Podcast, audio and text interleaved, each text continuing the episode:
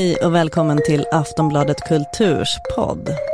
Jag heter Cecilia Djurberg och nu ska vi prata om Wikileaks och fallet Julian Assange. För förra veckan anhölls Wikileaks grundare Julian Assange på Ecuadors ambassad i London. Och det har varit många turer kring Wikileaks sedan organisationen blev världskänd 2010 för flera uppmärksammade läckor som medier runt om i världen haft stor nytta av för att kunna avslöja stora nyheter. Och för att kunna prata mer om det här så har jag bjudit hit Johannes Wahlström, journalist och ett slags kontaktperson för Wikileaks i Sverige. Kan man presentera dig så? Det vet jag inte om man kan göra men jag har däremot arbetat eh, mycket med Wikileaks och eh, är vän med Julian Assange.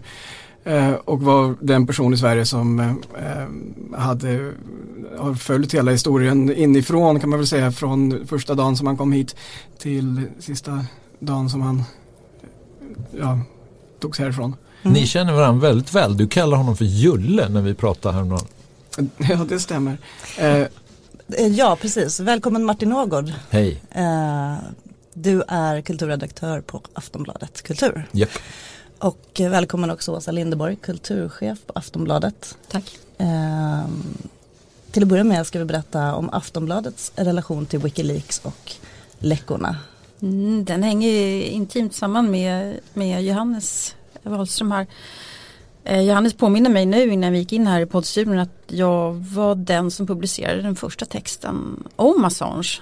Som, var det du som skrev den? Ja det stämmer. Jag hade helt glömt bort det här faktiskt. Men däremot så minns jag ju när Johannes eh, kontaktar mig och säger att Assange är i Sverige och undrar ifall det fanns någon möjlighet för honom att få träffa Jan Helin som då var eh, publisher på Aftonbladet. Eller mm. chef, chefredaktör var han då. Och Helin var jätteintresserad och det tog inte lång tid innan Assange hade fått ett kolumnistkontrakt på Aftonbladet för arbetstillstånd för uppehållstillstånd. Var det inte så tanken mm. var? Mm. Och några dagar senare så eh, anklagades han för våldtäkt. Och då ringer tidningen mig en lördag morgon, jag bodde fortfarande i Uppsala. Frågar om jag har telefonnumret till Assange. För att han är anklagad för våldtäkt. Och jag minns att jag bara skriker rätt ut i hela, hela lägenheten. För jag förstår ju vilken katastrof det här är. Vad trodde du att det var? Trodde du att han var, var en setup? Att det var en sån här honungsfälla? Nej, det, det, det hade jag inte en tanke på faktiskt. Eftersom eh, Aftonbladet eh, också då har eh, en frilansare som heter Donna Boström som ju eh, eh hade, liksom var kontaktperson vid sidan av Johannes under den här tiden för Assange. Han bodde under eh, Donna Boströms skrivbord och så på frilanskontoret. Och Donald berättade ju för mig om de här, alltså vilken eh, enorm sexuell aptit som Assange hade och hur besvärligt det var för Donald. För att när Donald hade med sig sina kompisar eller internationella gäster så var, så var Assange på deras kvinnor. Liksom. Eh, och, och, det var jätte, jättejobbigt tyckte Donald. Då. Så att jag, jag trodde inte det var någon, någon honungsfälla, det trodde jag faktiskt inte. Mm. Men jag blev väldigt, väldigt, väldigt ledsen. Ja. Men Assange hade, hade, planer på att liksom rota sig i Sverige, alltså sköta verksamheten härifrån då, eller hur? Det fanns stora planer. Det var ju det som var anledningen till att uh, han kom till Sverige. Och um, um, min bekantskap med uh, Assange den kom ju uh, något år innan uh, det här mötet med Jan Helin. Och um, det var eh, vid den tidpunkten så var jag redaktör för en tidskrift i Göteborg som hette Tromb. Och eh, under väldigt kort tid så hade vi lyckats bli Sveriges eh, största samhällstidskrift. Eh, och eh, vann en herrans massa olika priser och dylikt. Eh, och en dag så fick jag ett mail från en för mig okänd person eh, som frågade om jag händelsevis hade möjlighet att träffas. Eh, och eh, jag befann mig då i Stockholm och ehm, så eh, stämde vi träff med den här okända personen eh, ehm, på Kulturhuset i, eh, mitt i Stockholm. Och det här var ju då Julian Assange men det var inte ett namn som sa någonting för mig. Och den här mannen han ehm, bedyrade att han var i färd med att starta en, en riktigt eh, häftig nypubliceringssajt som skulle publicera de mest farliga och, och häpnadsväckande sakerna som finns i, i världen. Eh, och sånt som liksom, eh, alla kommer att eh, bli... Kändes han övertygande? Han kändes inte det minsta övertygande, det gjorde han inte. Eh, det var och, många som pratade om sånt också, det var mycket som skulle revolutioneras digitalt ja, ja. på den tiden. Absolut, och ehm, och det som samtalet ledde till det var att han frågade om jag eventuellt skulle kunna tänka mig att vara ansvarig utgivare för det här projektet som han då ville göra. Eh, för det behövdes någon målvakt inom citattecken som skulle kunna ta på sig den, den, den juridiska smällen. Och du var tillräckligt bränd för att göra det? Nej då, jag, jag var ju då redaktör eh, på en tidskrift och han tänkte att ja, men du är utgivare i alla fall så då kanske du kan tänka dig att göra det här. Eh, och jag tackade vänligt nej av två anledningar. Eh, den ena var ju såklart att om det han sa var sant då ville jag definitivt inte vara målvakt för något sånt. Eh, men eh, det andra fallet var ju det som jag tänkte var mer trovärdigt att det här var bara någon, någon knäppjök som eh, pratade strunt. Och det fanns ingen anledning att eh, engagera sig för mycket i det. Sen gick det ytterligare ett tag och eh, eh, och så, jag kommer inte ihåg exakt men jag kan säga att det kanske var ett år senare så publicerade eh, hans då nystartade sajt eh, ett antal ganska uppseendeväckande avslöjanden. Hette den Wikileaks då? Det hette Wikileaks då. Det hette, de grundades ju 2006 mm. och sen det här publika, vad man ska säga, som allmänheten fick kännedom om dem. Eh, det var ju, för, för mig som jag minns det, april 2010 när de här uh, videofilmerna, mm. Collateral Murder-filmerna mm. mm. släpptes. Mm. Men det var egentligen redan innan dess som, eh, som jag fick upp ögonen för att det Assange sysslade med egentligen var någonting väldigt stort. Eh, och vid den här tidpunkten så jobbade jag på Sveriges Televisions nyhetsredaktion. Eh, och så såg jag att Wikileaks hade publicerat eh, uppgifter från isländska banken. Eh, Just det, ja. började Precis. det. Och, och där eh, började hela historien med att det var en isländsk eh, journalist som eh, i direktsänd tv berättade att han hade någonting som han inte kunde berätta. Men däremot Just så kunde man gå och ta del av de här uppgifterna på en viss sajt och så sa han wikileaks.org eller hur det var. Eh, och i samband med det så bröt hela helvetet lös i, eh, på Island. Mm. Och eh, då tänkte jag att det kanske ändå eh, finns fog för att eh, eh, lyssna lite mer noggrant på vad Assange har att berätta. Så strax efter det så övertygade jag Åsa Lindeborg, eh, kulturchef på, på Aftonbladet om att eh, ge mig en liten peng för att kunna flyga till New York och möta upp. Eh, du, där minns inte jag! Var det dyra biljetter? Det är nästan preskriberat. Jag har varit chef för länge, jag kommer inte ihåg det. Ja, så att, um, jag flög till, uh, till New York, mötte upp um, Assange och det här var i samband med att, att han just hade släppt en video på hur en Apache-helikopter mejar ner oskyldiga civila journalister och barn på öppen gata i Irak. Just det. Och vi träffas i New York, vi pratar återigen om hans stora projekt och så frågar jag honom hur det är med planerna på Sverige.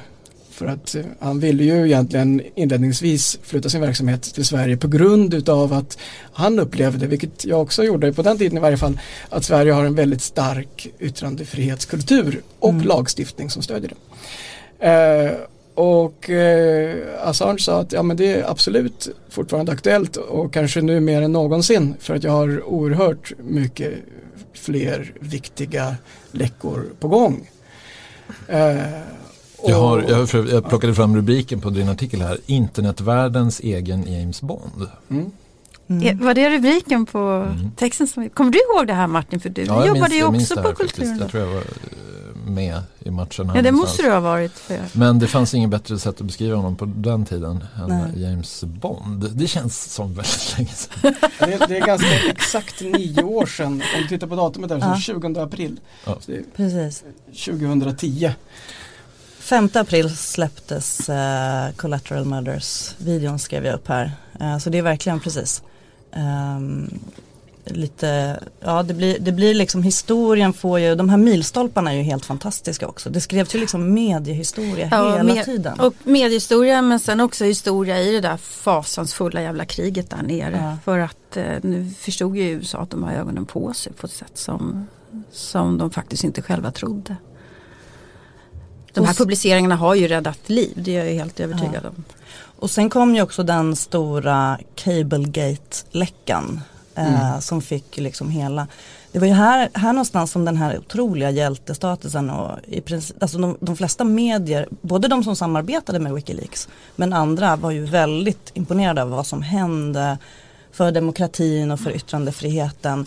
Och den första kritiken, den kanske du minns Johannes, alltså det har ju funnits kritik hela tiden mot det här med att läcka saker. Det var ju liksom den här visselblåsarsajten som inte betraktades som en riktig Liksom de var inte publicister. Nej, precis, ja. och vad var det för lagar som gällde och eh, de läckte ju ut allt, alltså i de här liksom korrespondenterna med diplomaterna, det fanns ju fantastiska, alltså det blev ju också roliga nyheter med det var väl den där eh, Carl Bildt eh, blev kallad för en medium sized dog. Alltså, och det blev ju som memes på ska, internet. Ja, och, och, jag tycker att det är viktigt för kronologin att säga att, att eh, det här sker ju efter det att Julian Assange är anklagad för, för våldtäkt. Så fortsätter ändå mediehus i hela mm. världen att bearbeta Wikileaks material. Och jag kommer ihåg när Johannes Johannes skickar mig ett mejl och är, är ni intresserade av det här? Och då är det det material som alla journalister i alla mediehus i fan hela världen jagade efter. Och det var ju inget snack om att man inte skulle, skulle arbeta med det då.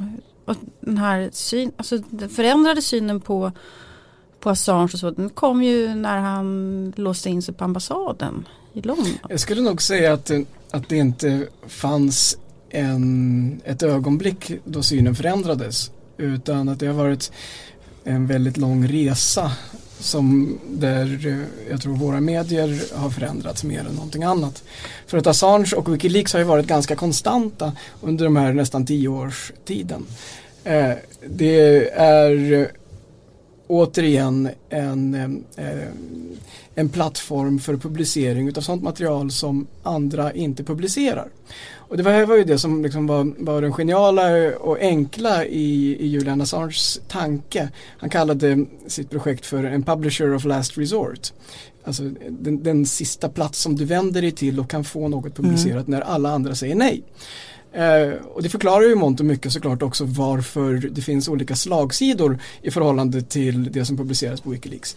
för, kan... att, för att, jag menar, det finns alltid slagsidor för att censuren har slagsidor, för att makten har slagsidor. Den finns inte utspridd överallt, jämt över hela världen. Eh, och, eh, och det som har kommit att hända som jag ser det, det är att eh,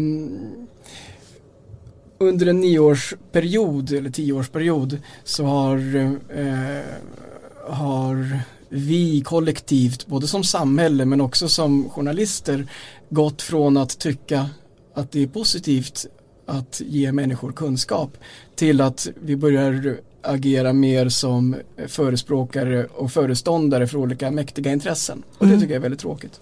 För det här var ju också när allt det här med Wikileaks exploderade.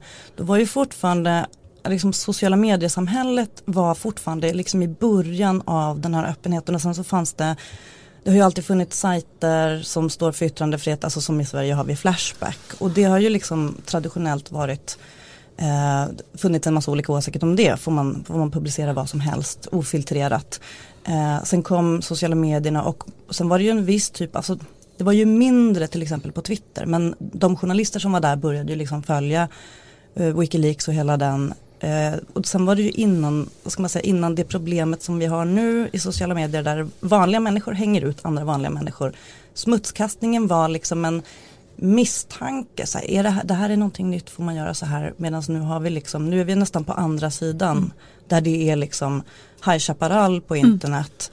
Mm. Eh, och där är ju Wikileaks fortfarande liksom har ju ändå, så vitt jag har förstått, samma idé om yttrandefrihet. Så alltså den linjen mm. går igenom. Fast, det Fast samhället när, har ändrats runt omkring. Just, runt 2010 så fanns det liksom, det var en tidsanda som var extremt frihetlig och liksom den här tron på det öppna internet. Alltså mm. det fanns piratrörelsen, det levde fortfarande och liksom, eh, alltså Pirate Bay-rättegångarna hade precis varit sådär.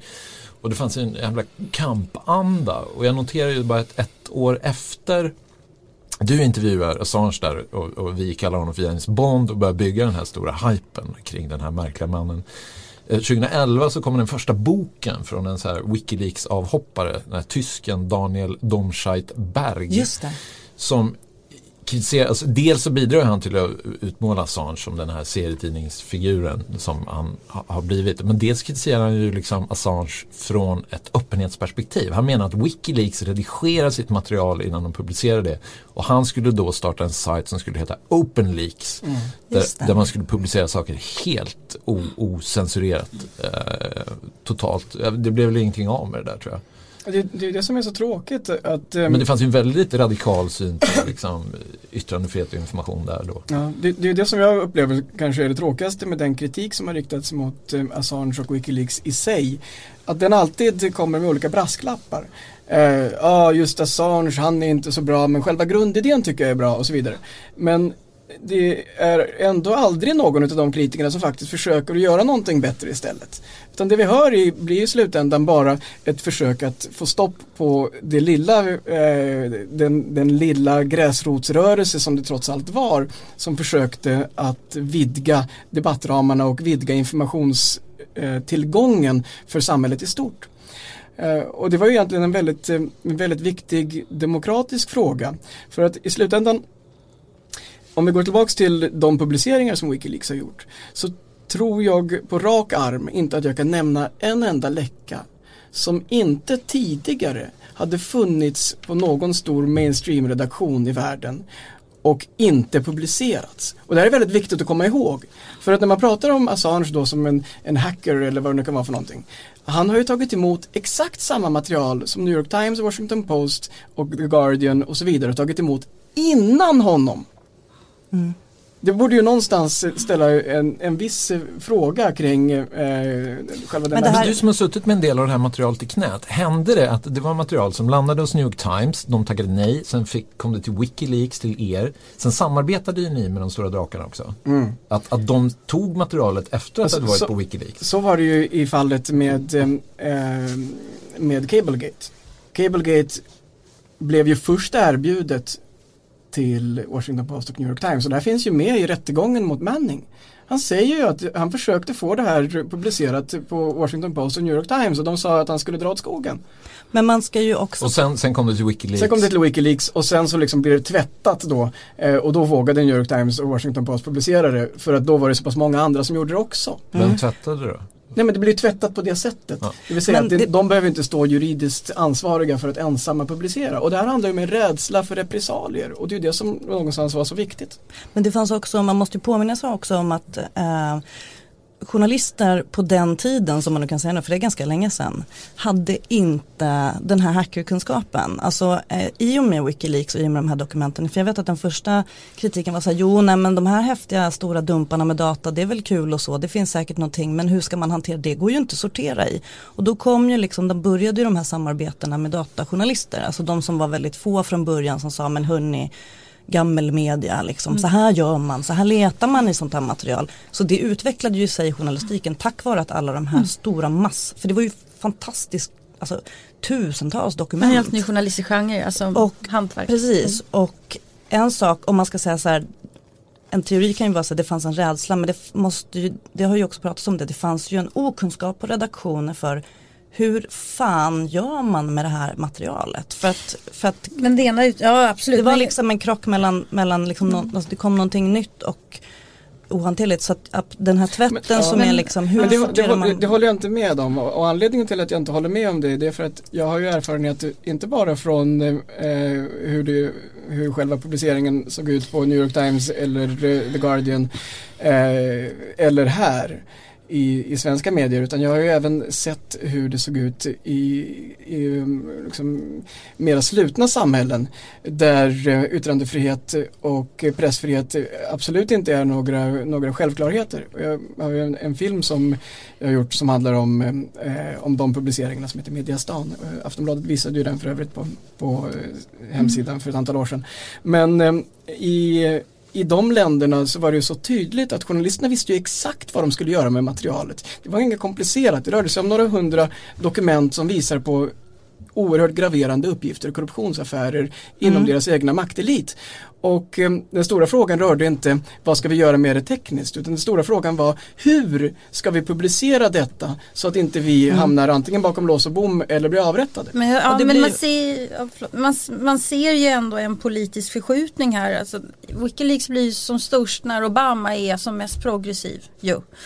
Eh, och han hade gått till val på att han skulle avsluta Irakkriget och bla bla. Så att det finns och, och eh, alla mediehus, det finns ju flera liksom, avhandlingar om det här visar att, att medierna är lojala med sitt lands utrikespolitik. Det är man alltid, oavsett hur den är så är medierna lojala. Eh, och här fanns det liksom ett, ett nytänk, det vågar jag nog ändå säga, som gör att man ändå publicerar här. Sen händer ju någonting och när Snowden kommer så är det faktiskt lite annat ljud i skällan. Ja, det är krattat liksom. Det, ja, men, men det är också nu som, som världen går in i en ny, ny kallt krigperiod. Alltså mm. han kommer in i mellanfasen innan vi går in i någonting annat. Och nu är vi i den här situationen där så svenska Svenska PEN har inte uttalat sitt stöd för Assange. Eh, vi har inte, de har inte uttalat sitt stöd för den här svensken som är gripen i Ecuador. Eh, det var självklart att man gjorde det för några år sedan, man gör det inte nu. Eh, Svenska Journalistförbundet har inte sagt någonting eller någonting sånt och det är ändå material som varenda jävla mediehus har använt sig av.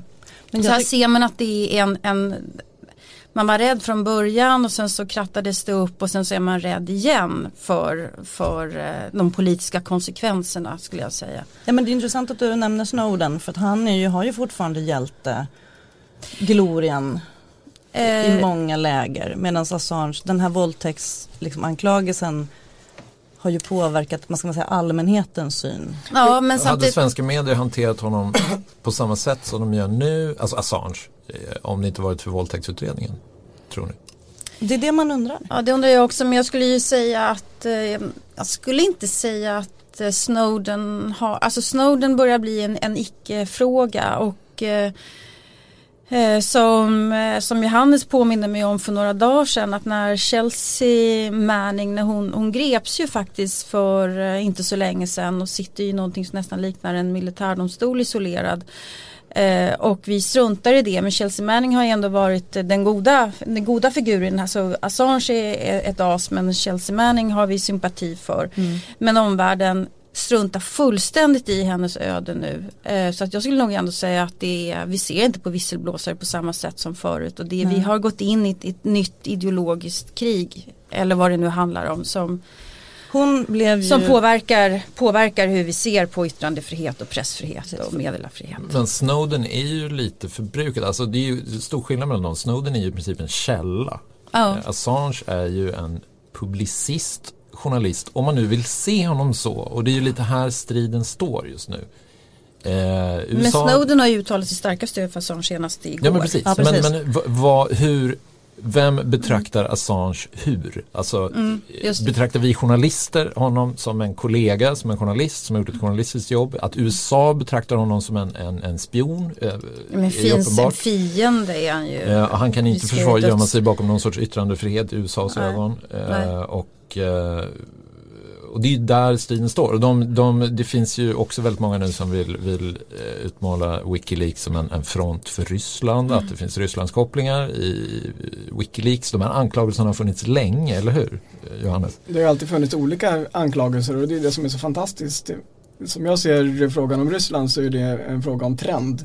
Nu är det trendigt att, eh, att kalla den onda sidan för ryss. Eh, och det har väldigt mycket att göra med förändringen utav eh, det allmänna politiska läget i världen. Eh, tidigare så var det trendigt att eh, kalla fienden för misogyn eller rasist eller vad det nu kan vara för någonting. Nu är det ingen som bryr sig för att amerikanska presidenten är öppet både rasist och misogyn. Eh, så att, vad ska man säga då? Ja, men då kan inte en fiende vara det, eller hur? Så att istället så blir det någonting annat. Det blir liksom så här, etniska dubiösa berättelser om att ja, men det här måste förmodligen vara någon slags person som... Men vad går anklagelserna ut på? Vad går anklagelserna ut på? Finns, finns, ja. På att, att, att, att, han är ryss? Eller på vad då? Liksom, vad är det som är, vad är Nej, det? men anklagelserna mot Wikileaks att det skulle att vara Wikileaks springer in Rysslands ärenden Rysslands för att ärenden, sänka alltså, USA. Ja, men okej, då måste man Är ju se, då måste man utgå ifrån Finns det någonting där? Då måste man utgå ifrån man vad, vad, vad den praktiska frågan handlar om. Den praktiska frågan handlar om att, eh, att Wikileaks publicerade dokument från Demokratiska partiet. Eh, och som rörde hur eh, Hillary Clinton och hennes stab eh, lurade brallorna av eh, Bernie Sanders och den kandidat som eh, Demokraterna ville ha. Eh, och eh, utifrån alla tekniska undersökningar som har gjorts så visar det att det var omöjligt för en utomstående hackare att ha hackat de uppgifterna. Det kom inifrån från själva de databaserna som eh, Demokratiska partiet satt på.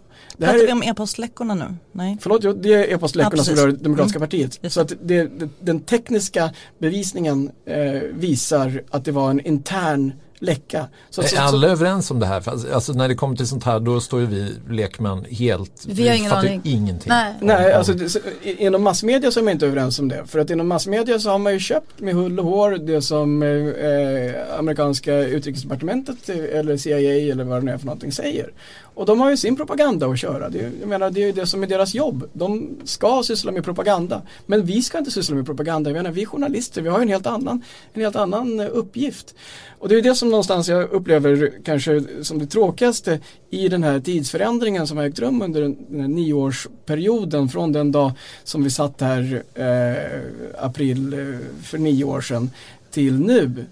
Vilket är att när hela det här, de här publiceringarna började så var det verkligen som att det, fanns ett stort hopp om att journalistiken kunde förändra världen. Eh, med kunskap så kunde vi förstå vad det var för mekanismer som gjorde att världen var orättvis eller som gjorde att, eh, att korruption var möjlig och som gjorde att krig blev till. Mm. Och, eh, eh, och det var verkligen, för mig i varje fall, så var det eh, huvudpunkten liksom, i den, i den, inom journalistiken på något sätt. I alla fall i min karriär och i, i, mitt liv. Eh, och, eh, och sen dess så har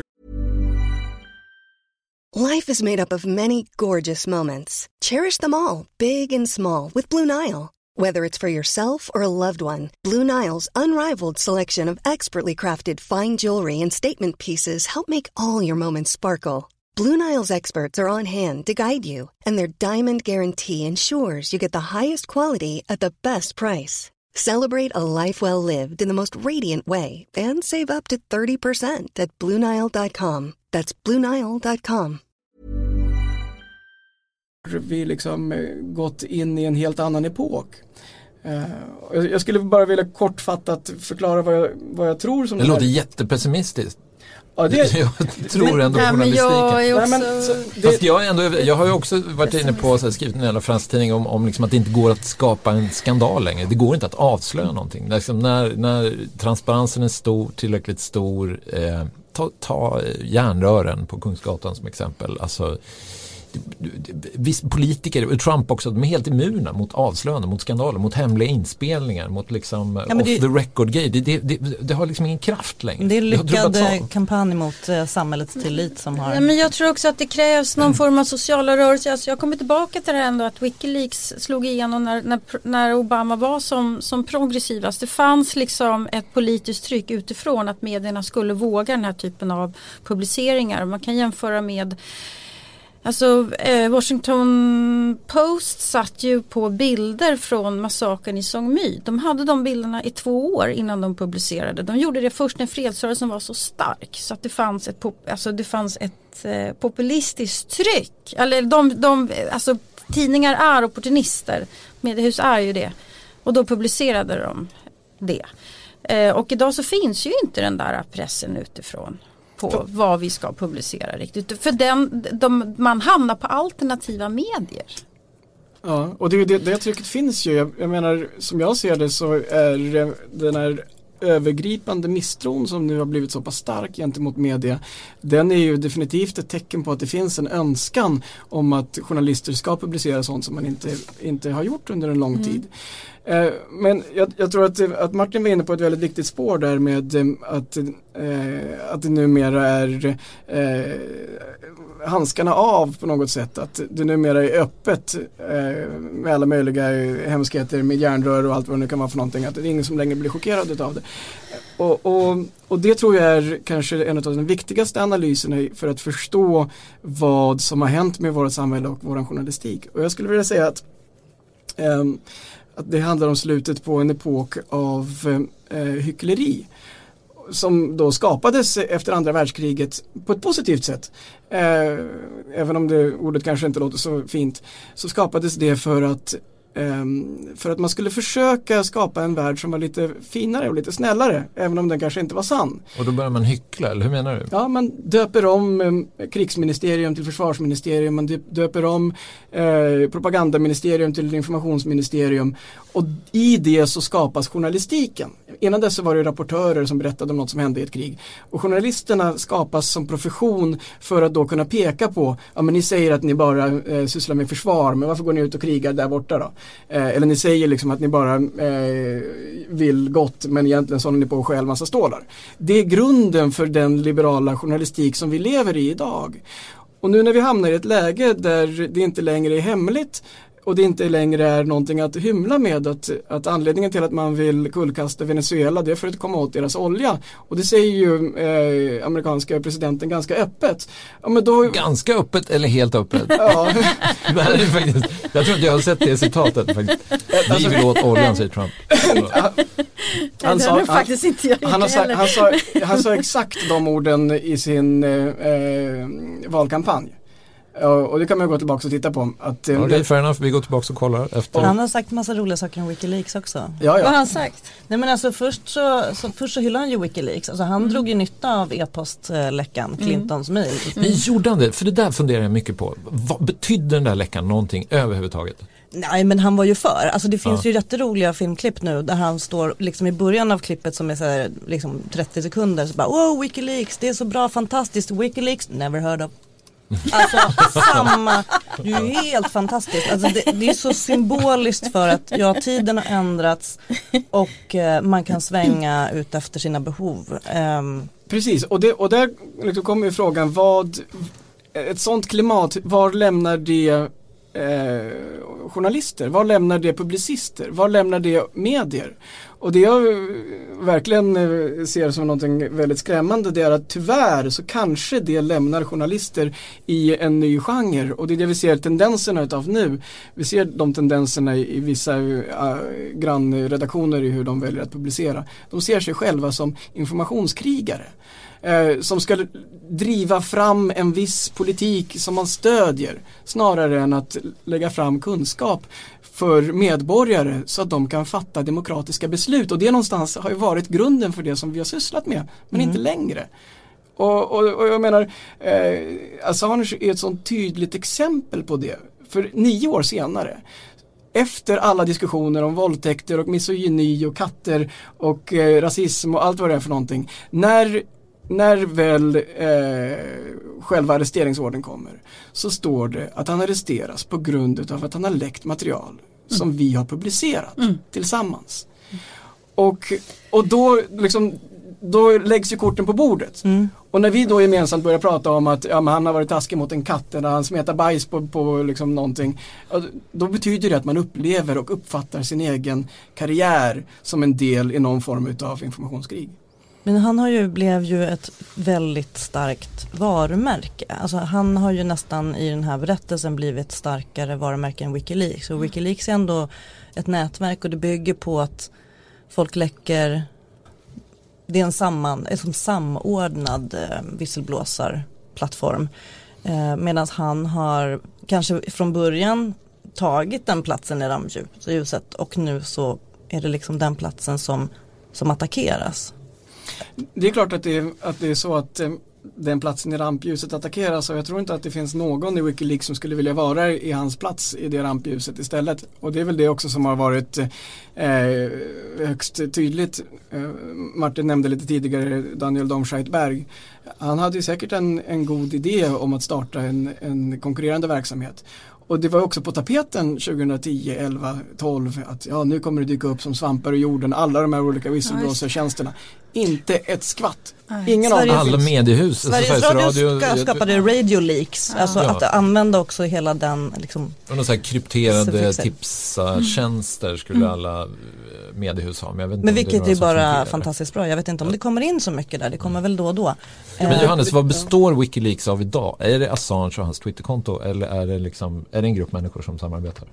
Det är en grupp journalister som arbetar och försöker publicera det som det går. Men i dagsläget så är ju såklart angreppen så pass stora mot både organisationen och mot eh, Assange att det är svårt att göra så Men får ni in, får ni in nya läckor? Eller jag jobbar ju inte med Wikileaks. Nej, nej men vet du då? Om, ja. alltså, hur tror du att det är? Får man, in, får man fortfarande in material eller är det så att, att det inte finns några mediehus som vill som vill publicera, alltså som vill samarbeta längre eller har man inte resurser att själv publicera det som man får in? Eller? Det, det jag vet i, i den frågan det är att eh, ehm, de mediehus, i varje fall i Sverige, som tidigare var väldigt glada över att publicera eh, Wikileaks läckor eh, vill idag i princip inte göra det. Även om det är uppgifter som är väldigt graverande och väldigt viktiga i förhållande till både svenska och utländska intressen eller angelägenheter eller korruptionsaffärer. Jag, jag ställer en dum fråga här för att jag inte, för jag helt enkelt jag vill ha svar men jag borde mm. kanske veta svaret. Men har eh, Panama Papers, har det någonting med någon upprinnelse i Panama Papers ja. en, en, Det är helt separat. Det är en separat. Ja. OCCRP. Ja just det, så var det. Jag glömde bort.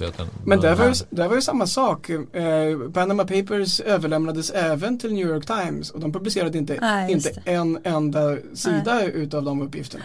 Och det är, det är ju det någonstans som, som vi missar i diskussionen. Att Wikileaks har ju, har ju flyttat fram positionerna för mm. vad man har kunnat publicera. För att försvara mediehusen här lite, alltså det, det, Panama Papers till exempel är ju ett, ett enormt material som, som OCCRP har, har eh, synliggjort. De har gjort grafik, en grafisk lösning som gör att det går väldigt lätt att söka i det och hitta i det. Och det är ett jobb som har gjorts med deras pengar och att det här är ju någonting som mediehusen inte har råd med därför att de är så jävla slimmade och det är tajta redaktioner. Så att om någon skulle komma till oss med hej vi har liksom dumpat eh, all amerikansk mejltrafik från mm. förra året. Vi kan inte hantera sånt material. Nej men alltså mediehusen har inte råd med gräv. Alltså sätter man en och gräva någonting så måste det bli en nyhet. Mm. Alltså man har inte mm. råd med att mm. någon jobbar i massa timmar. Eller det, man och man. Det Public borde, service har ju det. Det borde man ha, ja precis. Men, men det är lite så, med, det finns en typ av medielogik där. Um, men också det som är intressant apropå att men Assange var den som var um, frontfigur. I andra typer, alltså i hackerkulturen så är det ju liksom, och anonymous-kulturen är ju liksom en del av det. Där har det ju varit en grej att alla är anonyma, att man liksom jobbar under, liksom, under jorden på något sätt. Eh, vilket gör det här ovanligt att han ville träda fram. Så då blev det ju också väldigt mycket fokus på honom. Och så blev han väldigt sårbar såklart för attackerna. Eh, vad händer nu med Wikileaks och eh, Assange? Vad, mm, Ja, det, det ser, jag tänkte precis fråga detsamma faktiskt. Men det, ser, det finns ju tecken på att det får ringen på vattnet. Eh, svensken som har gripits i Ecuador, Ola Bini, eh, en svensk programmerare, välkänd och eh, även aktivist för eh, öppenhet på nätet och anonymitet på nätet. Har ju nu gripits av eh, Ecuador eh, på väldigt oklara grunder.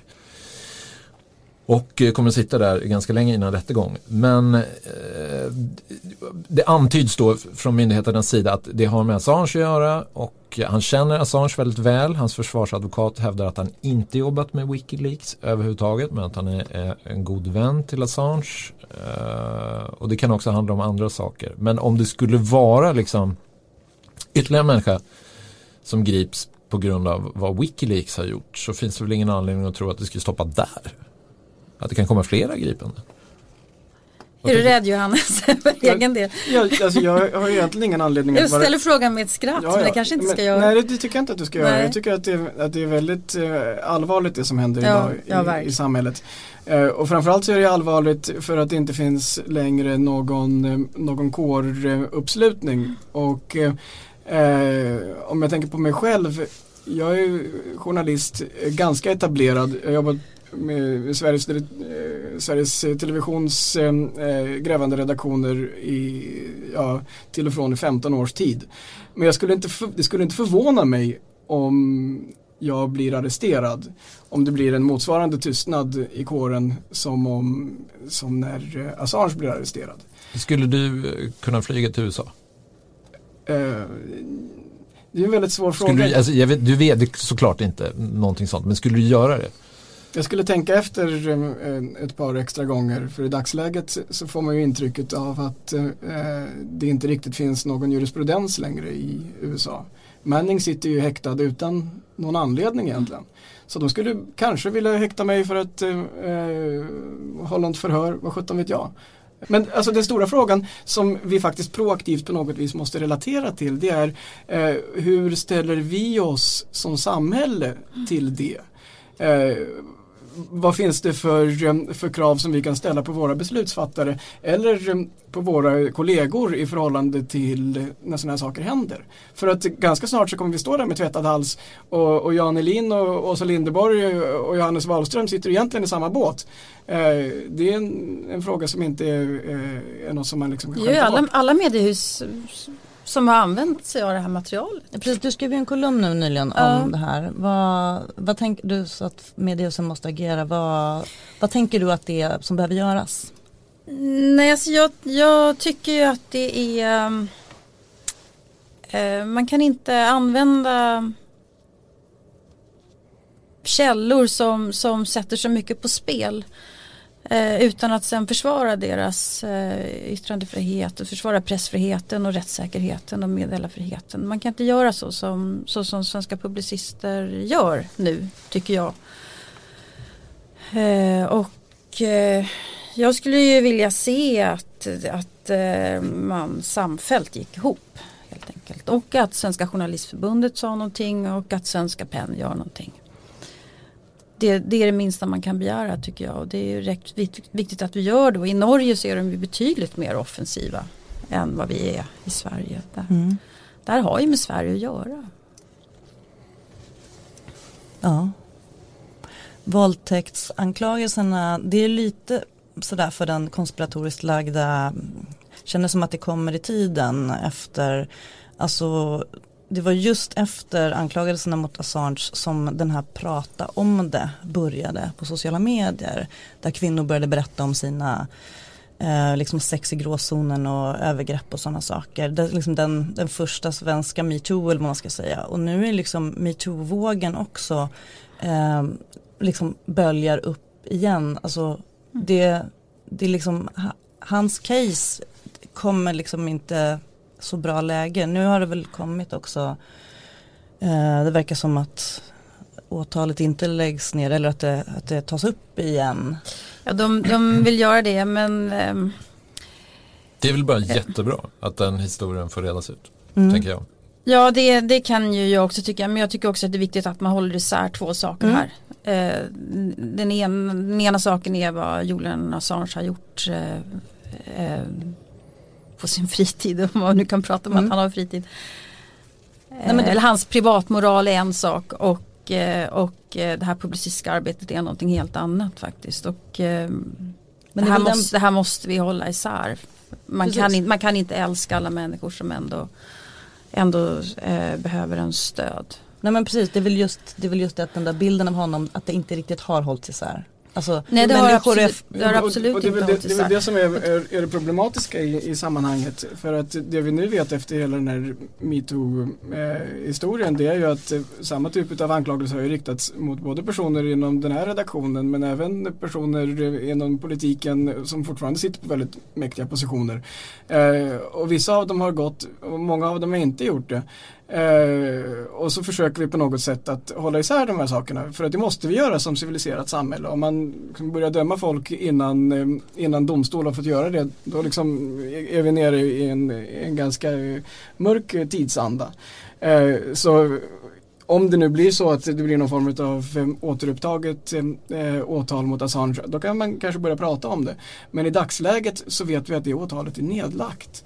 Och då finns det ingen anledning att, att ens liksom lyfta upp den frågan i det sammanhang som vi vet att just nu så sitter det eh, ett åtal eh, mot eh, Assange i förhållande till hans publiceringsverksamhet. Då ska mm. vi prata om det, för det är det som faktiskt ligger på bordet. Nej men det här blir ju en juridisk, liksom, jag, jag, jag undrar själv, bara ställer frågan hur liksom svenska rättsväsendet, alltså till säg att han skulle ha sökt asyl i Sverige. Det gjorde han ju inte. Uh, han försökte. Ja. Du fick det inte? Uh, han fick det inte av tekniska skäl uh, för att uh, det ansågs att, att han redan befann sig i Sverige ja, och Migrationsverket ville inte titta på hans ansökan. Mm. Så, så var det ja. Mm, så historien hade kunnat bli Nej, det nästa, var nästan som man kunde ana en liten besvikelse när det kom fram att, att uh, den amerikanska åtalet handlade om, om Manning och inte om, om Ryssland eller DNC-hacket eller någonting annat. Att folk hade hoppats på liksom ett, ett större scenario än det där.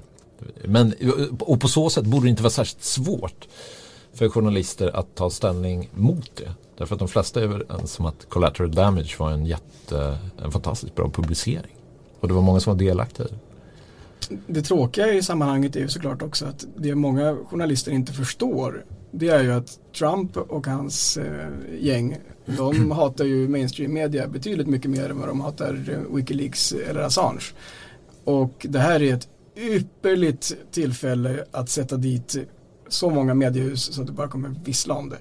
Och det här är en sån oerhörd... Eh, Men din tanke är då att, att om, om Assange fälls för den här läckan mm. då kommer också de som har publicerat eh, material från den att fällas? Precis, för, för då har man satt ett, pre ett precedent. Då har man kunnat visa att det här inte bara är något som rent juridiskt är möjligt utan det är också någonting som samhället tycker är bra. Det kommer ju bli en stor juridisk fight ja, i sånt fall. Tror, men, men det, alltså, jag, jag betvivlar inte att det skulle kunna hända. Men jag, det skulle jag, bli tror, jag tror ju inte att, att några mediehus kommer att ställas inför rätta och dömas. Men däremot bara, eh, bara risken gör ju att mediehus kommer att och, eh, eh, bli fegare. Men varför, det, skulle, varför det, skulle Trump-administrationen inte vilja ställa för att han vågar, jag, jag, tror att han är lite för smart för att, att våga ställa alla mediehus inför rätta. Alltså det blir ju en det, otrolig diktatorsymbol. Ja, alltså det, det, tror jag, det tror jag inte han kan göra. Men, men, eh, men bara det att eh, Många advokater att, som ska ha jobb. Frågan, ja. jag menar att frågan är på att, vi att bara det att vi pratar om det är ju, är ju allvarligt nog. Jo men, men tänk, tänk vad tid kan göra den här nioårsperioden är också egentligen otänkbar om man ställer sig eh, 2010 och tittar sant. framåt. Du har helt rätt. Den, det påståendet att det faktiskt finns ett åtal i förhållande till publiceringar utav, utav eh, Mannings påstådda läckor eh, var ju då något som man skrattade ja. åt. Ja. Aldrig i livet att det finns något sånt. Mm. Eh, Assange gömmer sig bara för våldtäktsanklagelser. Mm. Eh, That's it. Ja, så när polisen kommer till, nu är i och för sig Snowden, Snowden frågan, men när polisen kommer till uh, The Guardian och uh, slår sönder deras uh, hårddiskar. Ja. Det är ju en skam alltså. Och då Snowden som ändå försökte förklara hur de skulle ta emot det här utan att röja honom. Ja. Och de på grund av en miss, ja. okunskap i Ja, någon... Men de ställer sig och slår sönder. Ja. Det, det, är faktiskt vad de gör. Ja de filmerna är ju, alltså, ja. man trodde att där var liksom så långt kunde det inte gå. Men Nej. det kan gå ännu längre. Mm. Um, ja, men jag, alltså, jag är lite på, inne på Johannes eh, linje här. Alltså, jag är också rätt des desillusionerad faktiskt. Ja. Ja. Att, att medierna är sådana opportunister i förhållande till, till de rådande liksom, hegemoniska. Ja, men då får jag vara den positiva killen. Ja, för jag tror journalistiken kommer att överleva. Och jag tror också vad som har hänt under den här nioårsperioden är att jag tror att, att uh, läck status har blivit en helt annan. Vi har Chelsea Manning, vi har Edward Snowden. Båda har liksom blivit globala superhjältar. Eh, och det kan ju liksom inspirera framtida visselblåsare. Ta bara de som har läckt hela Panama Papers från den här advokatfirman. Den personen har ju tagit enorma risker. Ja. Enorma risker. Alltså, eh, och om, om liksom det finns ett, ett löfte om att ja, men kanske kan jag bli ett, ett, ett yttrandefrihetshelgon av Edward Snowdens kaliber. Då kan det vara värt det. Att ta den risken. Mm. Eh, jag menar det var ju forna tiders läckor var ju väldigt hemliga. Mm. Deep Throat till exempel. Spekulerar ju folk fortfarande om vem det var. Oh. Men alltså det Assange eh, är anklagad för skulle faktiskt räcka för, för dödsstraff. Det är ju ingenting han själv har hittat på. Utan så ser det ju ut. Alltså det är ändå, sätter ju rätt mycket på spel. Alltså. Men Johannes Assange idag, hur mår han? När hade ni kontakt senast? Jag träffade honom senast förra året. Eh, så det är ett tag sedan. Jag kan inte svara på hur han mår. Eh, men när jag träffade honom då då var han eh, i osedvanligt gott skick för att ha suttit utan solljus så pass länge. Eh, men framförallt så var han psykiskt gott skick. Eh, du sa till mig att, att, att man märker att han har suttit isolerad i flera år mm. på grund av tandstatusen. Att det inte finns möjlighet att gå till tandläkaren kommer jag ihåg att du sa. Just det, just det. Så är det ju. Det är många sådana där typ praktiska saker som praktiska saker som irreparabla nästan. Ja. På olika platser och så. Um, och sen nu så skulle jag väl säga att den, den stora eh, förändringen är kanske att han har blivit mer ödmjuk. Men så, det är sånt som fängelse i sig kan, kan göra med en människa. Det gör ju inget. mm. Det låter hemskt såklart att skämta av det. Men, det tror jag de, nog att han kan klara av att vi skämtar. Vet vi vad som händer i hans fall nu? Uh, USA försöker få honom utlämnad. Labour vill uh, inte att han ska lämnas ut. Jag vet inte om det här är en politisk fråga Utrikesministern har ju faktiskt också sagt att mm, de inte kan lämna ut eftersom han riskerar dödsstraff. Jag undrar, finns det något intresse för Assange att bli utlämnad till Sverige? Eller har han något intresse av att bli utlämnad till Sverige? Skulle det vara tryggare för honom att sitta här i, en, uh, i fängelse för våldtäkt? Det hans advokater har sagt från början är ju att, och dessutom gett ett direkt erbjudande till svenska åklagare har ju varit att eh, han gärna kommer med nästa flyg till Sverige så tillvida det finns garantier på att inte utlämna honom till USA. Och det är ju någonting som eh, ett, erbjudande som gavs till svenska åklagare eh, typ 2011. Jag skulle säga det där är väl gammalt. Ja, men, och, det, och, det, och det kvarstår. Det kvarstår ju. Så att ehm, eh, av någon anledning så har man inte velat komma med sådana utfärdanden och sådana löften från svensk sida. Och frågan är väl vad är svensk sida inom stattecken i sådant fall? Är det någonting som eh, Stefan Löfven publikt ska säga eller är det åklagaren eller är det någon annan? Och där gömmer det sig de olika delarna utav, utav liksom svenska beslutsfattare bakom varandra. Ja, eh fortsättning följer väl eh, så får vi be att få återkomma i podden och på kultursidan med eh, utvecklingen kring Assange. Det är ju en fantastiskt spännande och avgörande historia för liksom, demokrati och yttrandefrihet och journalistik. Hela det här fallet. Eh, tack så mycket för att du kom hit och pratade med oss, Johannes Wallström. Tack Martin Ågård Åsa Lindeborg. Jag heter Cecilia Djurberg och och eh, i nästa avsnitt tror jag att vi vågar lova att vi kommer att prata om Edward Louise. Vem dödade min far? Lyssna på oss då. Tack för att du har lyssnat. Hej då!